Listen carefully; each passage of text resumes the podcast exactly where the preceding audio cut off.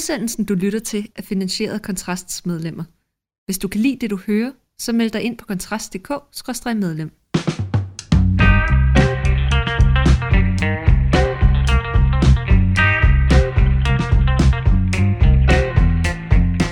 Så er vi i gang med den aller sidste fyraften med kontrast, inden hele kontrastredaktionen går på sommerferie, hvad vi gør per 1. juli. Øh, men inden da, så vil vi sådan lige øh, ønske god sommer herfra, og øh, så skal vi øh, snakke lidt om, hvad vi skal lave i sommerferien, og også lidt om nogle boganbefalinger, som er blevet efterspurgt, og som vi jo også kommer med en, en artikel om. Så øh, vi kan lige så godt lægge kort for land. Rasmus, hvad skal du lave i sommerferien? Jeg skal øh, til Stockholm i fire dage med øh, den kære Christian Egander Skov. Og ellers skal jeg ingenting overhovedet. Intet planlagt. Intet planlagt i, Nej. i samfulde fire uger? Ja. Okay. Det er den bedste sommer er den, hvor tingene sker spontant. Eller det, det bilder man sig ind, fordi det var sådan, det var, da man var ung og boede hjemme, og ens venner boede i nærheden, og så kunne man bare løbe ud og spille fodbold hver dag. og så sidder man i dag og er blevet 32, og så hver gang det bliver sommerferie, så går der to uger, så siger man, jeg har bare siddet for mig selv her. Du kan da godt løbe ud og spille fodbold i Nordvest, Rasmus. Uden der er sket noget som helst i mit liv. og så bliver man ked af det. Men Hvad- jeg skal i det mindste til Stockholm. I det mindste til Stockholm, hvad er det, hvad er det øh, planen er? Er det sådan en kulturel dannelsesrejse, eller Ja, hvad jeg er... ved egentlig ikke, om der er nogen plan. Jo, vi skal rundt og se nogle ting. Skov, han, øh, han skal vist op her til efteråret og vise nogle pensionister rundt i forbindelse med sit arbejde. Øh, men øh, nu har vi jo taget sådan en årlig tur et par gange, og øh, jeg synes, øh, at traditionen viser, at vi den første dag går ud og ser på to ting, og så finder vi et sted at drikke fadøl og drinks. Og så er det som om, det er det, der fortsætter med at ske de resterende fire dage. Og så- lyder da så, meget. Så tager vi hjem Det lyder da igen. umiddelbart meget hyggeligt, altså. Men det, det, I dog skal huske, det er, øh, hvad det hedder, det at kunne... Øh, altså, kunne drikke i Sverige er jo faktisk lidt, kan, kan være lidt komplekst. Altså, jeg var på et tidspunkt, øh, det var da jeg var arbejdet for Berlinske, kan jeg huske, jeg var op og, og rapportere fra, jeg tror det var Göteborg, om en eller anden konference, og, og så ville jeg sidde og drikke en øl på hotelbaren, øh, hvor de havde sådan, de havde sådan fine IPA'er, og så mens jeg skrev min artikel, så ville jeg så købe en øl. Og det måtte jeg godt, men jeg fik en, en streng formaning fra øh, conciergen eller øh, øh, på hotellet, som simpelthen gjorde det klart for mig, at jeg blev altså nødt til at drikke den i lobbyen, hvor han kunne se det. Hva? Ja, det, jeg ved ikke, om det, hvad, hvad præcis det var, men altså, jeg måtte ikke tage den med op på værelset. Jeg måtte simpelthen ikke, øh, det, det kunne jeg ikke overlade.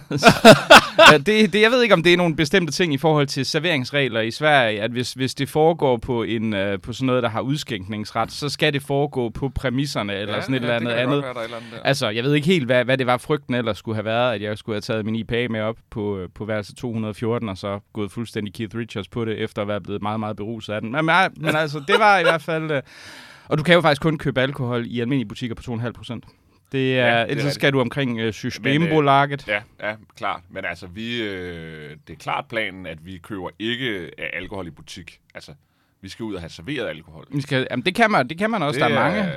Det er det, der er med alderen. Ja. Det er, at man, øh, man ikke længere øh, køber dåseøl for så at sidde og drikke dem et sted. Man, man tager ud og Det får tror jeg, det skænket. mener jeg heller ikke, du må. Jeg mener, der er noget med, du må ikke drikke øh, offentligt øh, i Sverige kan heller. godt Der er mange, det, de er meget, de har en lidt mere... kan det være, det er meget godt faktisk. Det skaber orden. Mm, At man ikke skal se, hvis nogle unge teenager render rundt med dåseøl i en nettopose. nej. Nej, altså det var jo meget på unge teenager. Det var meget det, jeg rapporterede om fra Sverige. Kan jeg huske, jeg var ude og, og lave en, en reportage fra Ukkala og Husby, som er nogle af de øh, indvandrertunge forsteder, der ligger langs T-banen, som er meget forskellige fra, øh, skal jeg sige, nu kan vi lige så godt gå lidt ned i anekdoteland, som er meget forskellige fra det centrale Stockholm. Der jo er en, en virkelig flot by. Altså, mm. en ting, der altid undrer mig, det er, at den har, den har sådan et, jeg synes, mere et germansk præg. Det er sådan meget bastant øh, Ja, øh, den, arkitektur, og det synes jeg er sådan lidt specielt. Men hvis du tager ud til de her, langs deres metro, øh, som hedder T-banen, øh, så, og som kører meget, meget langt ud, så ligger der de her satellitbyer, som, som er sådan meget anderledes i forhold til, fordi man kan sige, sådan de, de typisk karikeret sagt, de sådan ghetto-lignende indvandrertunge kvarterer i Danmark ligger typisk sådan i direkte forlængelse af de større byer, hvis du ser Tingbjerg og Mjølnerparken og, og, og hvad det hedder, Gellerup, Bispehaven og så videre i Aarhus, så er det noget, der sådan ligesom egentlig er indarbejdet som kvarter. Mange af de her steder, det er sådan, det er sådan nogle betonforsteder, men hvor man egentlig kører igennem sådan et, et, Emil fra lønneberg i Sverige, hvor der er marker og røde lader og alt muligt andet, og så kommer du så ud til de her forsteder, og det, øh, jeg skrev en artikel, der hed Byen, hvor ingen vi tale, jeg brugte tror, tre eller fire timer på at gå rundt i Ukala og, og prøve at få nogen til at, til at tale om, det var dengang, der, jeg tror, det var i 15, hvor der var, der var valg til rigsdagen i Sverige, og så havde jeg sådan en idé om, i stedet for at tale om indvandrere, som de gjorde meget dengang, så man prøve at tale med nogen af dem. Det var ikke nogen, der ville snakke med mig. Jeg brugte virkelig lang tid. Det eneste, det var nogle teenager, der vist mest bare tog pis på mig. Det var, det var, men det var ikke fjendtligt, men, men det, er et meget, det er nogle meget, meget vilde områder, fordi man kan sige, hvis jeg husker rigtigt, så er der i Gellerup omkring 75 procent ish med ikke-vestlig baggrund. I nogle af de her kvarterer, der er vi altså et stykke over 90 i Sverige. Ja. Så det er som at komme ud til altså butikker og kiosker og så videre. Altså der, er, der, der kan man se, altså der er skilte på, på, på arabisk eller forskellige andre sprog. Og øhm, ja, altså det, det, er en meget, det, er- det er en meget, vil jeg, sige, sådan generelt meget fremmedartet oplevelse. Ja. Så. Så. Der gider vi ikke hen, når vi. Ikke lidt, ikke lidt sightseeing Nej. i, i, Nej. i Husby. Nej. Nej. Vi sidder vidt og godt. Vidt, vidt og godt. Ja, men det, er, det centrale Stockholm er også, altså netop fordi det virker som om, og det, det er anekdotalt kun baseret på egen erfaring, jeg har ikke statistik på det, men det centrale Stockholm virker også netop fordi de her forsteder ligger et stykke ude, så særligt de der, de der Ja. ja. malmkvarterer og sådan noget, de virker altså meget... Øh, meget lidt øh, belastet. Så de rige mennesker inde i centrum, de kan øh, som end stadigvæk have det rigtig, rigtig, rigtig rart. Fantastisk, fordi vores hotel ligger lige midt i Ja, centrum. det er... Hvad med dig? Hvad skal du i din sommerferie? Åh, oh, jeg skal med, men altså, det bliver også, øh, det er ikke et, et, et, et vildt fascinerende bidrag til vores udsendelse. Jeg skal en tur i sommerhus med, øh, med min, øh, min søde kæreste Martha, og, øh, og ved Kulhuse, øh, ligger ved nord for Jægers Pris, hvis jeg husker korrekt. Så skal vi over og se en sandskulpturfestival i Hundested. Og øh, ja, det er formodentlig bade øh, en del med den treårige, og så skal og skal jeg så mere? Jeg skal tur til Aarhus, besøge min far, og så skal vi i sommerhus med nogle af Martas veninder i to-tre dage. Det er det. Det er voksen sommerferie. det er, og så skal jeg læse, øh, så skal jeg formodentlig læse bøger om Holocaust, som jeg har købt i løbet af det sidste år, men overhovedet ikke haft tid til at læse, og jeg har en, en, jeg har en pæn bunke af interessante ting, som jeg har set, uh, som jeg har set frem til at, at læse om, uh, om det, det ellers ikke specielt opløftende emne. Så, Fedt. ja. Apropos bøger, så skal vi jo næsten lige give vores, øh, vores boganmeldelser til lytterne, så de har noget at, øh, at læse. Ja, altså vi kan jo sige, altså Emilie Jæger har jo, har jo ringet og taget, eller taget fat i en, i en række folk, øh, og her blandt os to, så, så det, det bøger, vi snakker om nu, kan man altså også læse om i en kommende artikel på Kontrast, sammen med en masse andre boganbefalinger fra blandt andre Kasper Støvring og forskellige andre. Men vi kan jo lige nævne, hvad vi sådan er en af de to, som øh, jeg mener også, du anbefaler to. Øh, Ja, ja. Og der kan vi jo så lige fremhæve en af dem, som... Øh, Ja som vi respektivt har. Jeg har, hvis jeg skal starte, så har jeg jo anbefalet, øh, øh, hvad det hedder, Peter Turchins, øh, den der hedder End Times, men den har jeg ikke læst endnu, så det skriver jeg også. Den er anbefalet øh, ubeset, så det vil jeg ikke tale om. Jeg vil i stedet for nævne og fremhæve øh, den øh, amerikanske professor Timothy Snyders bog Bloodlands, som er øh, et, altså dybest set handler om det her, det her område, som strækker sig igennem Polen, Ukraine, Baltikum, Hviderusland og dele af det vestlige Rusland, som, som Timothy Snyder så kalder Bloodlands. Og der kan man sige, at i perioden 1933 til 1945, der dør der 14 millioner civile, altså det vil sige, det er eksklusive folk, der er døde i kamphandlinger som soldater og så videre i, i, i det her område af, af, af- Øst, øh, Øst- og Centraleuropa. Og det er et analytisk perspektiv, som jeg synes er enormt interessant, fordi man kan sige, det er et område, som bliver, hvor grænserne i meget, meget høj grad er flydende. Altså der er jo, der er jo folk i, i dele af Polen, som hvis de har været født i 1905 for eksempel, så vil de have oplevet at være del af en 4-5 forskellige øh, øh, imperier. Øh, øh, inden, inden deres død. Og der er, de, altså, der, der er, den her befolkning er jo sådan spændt ud mellem Hitler og, og Stalins indflydelsesfære. Og Der er et folkedrab, der hedder Holodomor i, i Ukraine, hvor der dør en 3-4 millioner. Øhm, der er hele Gulag-systemet, der også kommer voldsomt op i omdrejninger. Så er der naturligvis holocaust og nazisternes forfølgelse af jøderne i Østeuropa. Og det er, et, det, det er et fascinerende perspektiv på det her område, som i ekstremt høj grad er er præget af det 20. århundredes konflikter. Og det er også interessant, fordi det er nogle, der, der er nogle spor, der bliver trukket i forhold til, hvad der foregik, i forhold til ukrainsk nationalisme, i forhold til, til ukrainsk selvforståelse, i forhold til Polen, i forhold til mange af de her landes aktuelle politikker, som jeg synes er enormt interessant, og så skriver Timothy Snyder bare forrygende godt. Han er en, en, en fantastisk øh, øh, velskrivende historiker.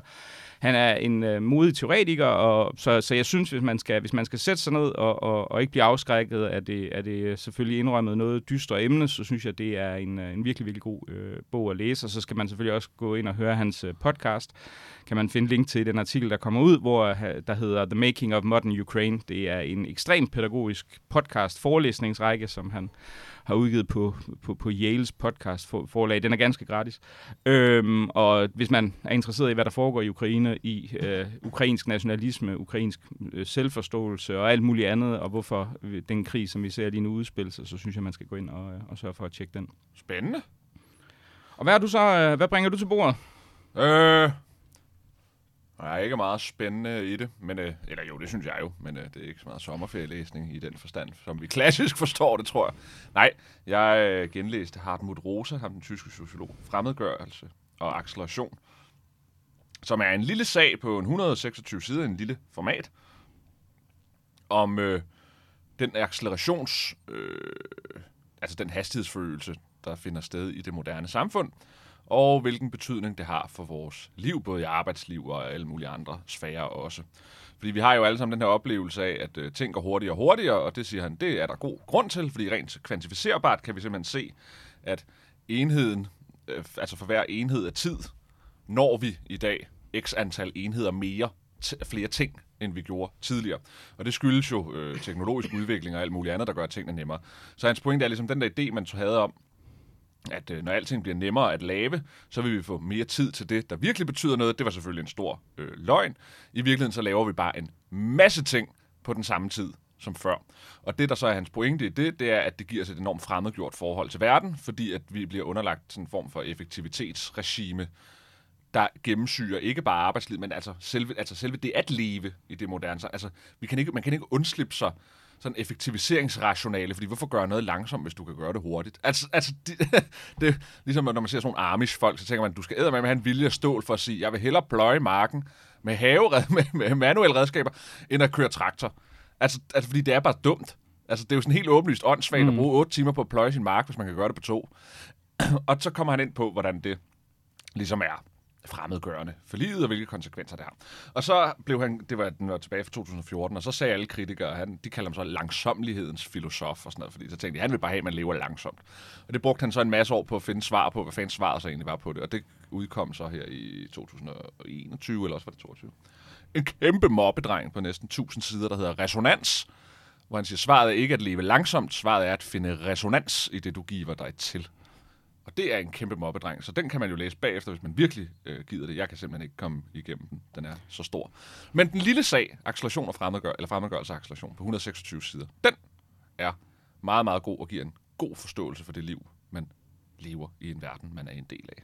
Men det lyder vel næsten som sådan en opdateret, nu skal, uden, uden at være polemisk, men det lyder vel næsten sådan altså en slags, en slags ekko af noget marxistisk i forhold til det her med sådan øh, øh det, det senindustrialistiske ja, samfunds ja, fremmed, fremmedgørende. Øh, øh. Det er det også. Han er, han, er, han, er, han er det, man kalder for kritisk. Han er inden for den skole. Kritisk teori. Og alle ved jo, at hvis man inden for akademiske discipliner har noget, der starter med kritisk, så betyder det bare meget venstreorienteret. ja, ja. Og det er, men, men jeg vil sige, der er, øh, jeg har en forkærlighed for marxistiske tyske sociologer. Fordi på trods af, at deres politiske holdninger og forslag, som ikke fylder noget særligt i det bøger, er, er, er åndssvage, så er de enormt... Altså, den tyske måde at gå til de her ting på her, er i forskel fra amerikanske og danske universiteter. Det er enormt sådan, disciplineret måde at gå til tingene på. Altså, det er enormt systematisk og enormt sådan matematisk, den måde, det går til det. Ikke? Det er en bog om sociologi og dit forhold til verden. Og alligevel er der en masse grafer, der viser, at man, øh, for hver enhed op her, så sker der... Altså, det, det er... Øh, tysk sociologi er... Sådan, man bygger sådan et gittersystem, så alting hænger sammen, som hvis man var en bilfabrikant. Ikke? Altså, det, det, det, det er nærmest sådan... Det er nærmest, altså det er sådan imponerende bare at læse tysk sociologi, fordi det er så stringent hele vejen igennem. Og så skal man bare, ja, ja, han er venstreorienteret og alt muligt andet. Sådan det. Det vil bare sige, Rasmus, øh, hvis, hvis jeg skulle klippe øh, en, øh, en, en, en aggressiv soundbite ud af det her program til brug på sociale medier, så skulle det være Rasmus Ulstrup. Jeg har en forkærlighed for marxistiske tyske sociologer. Det er en af de sætninger, jeg ikke havde forestillet mig, at vi nogensinde skulle have hørt ytret her i vores, øh, i vores lille borgerlige kælder.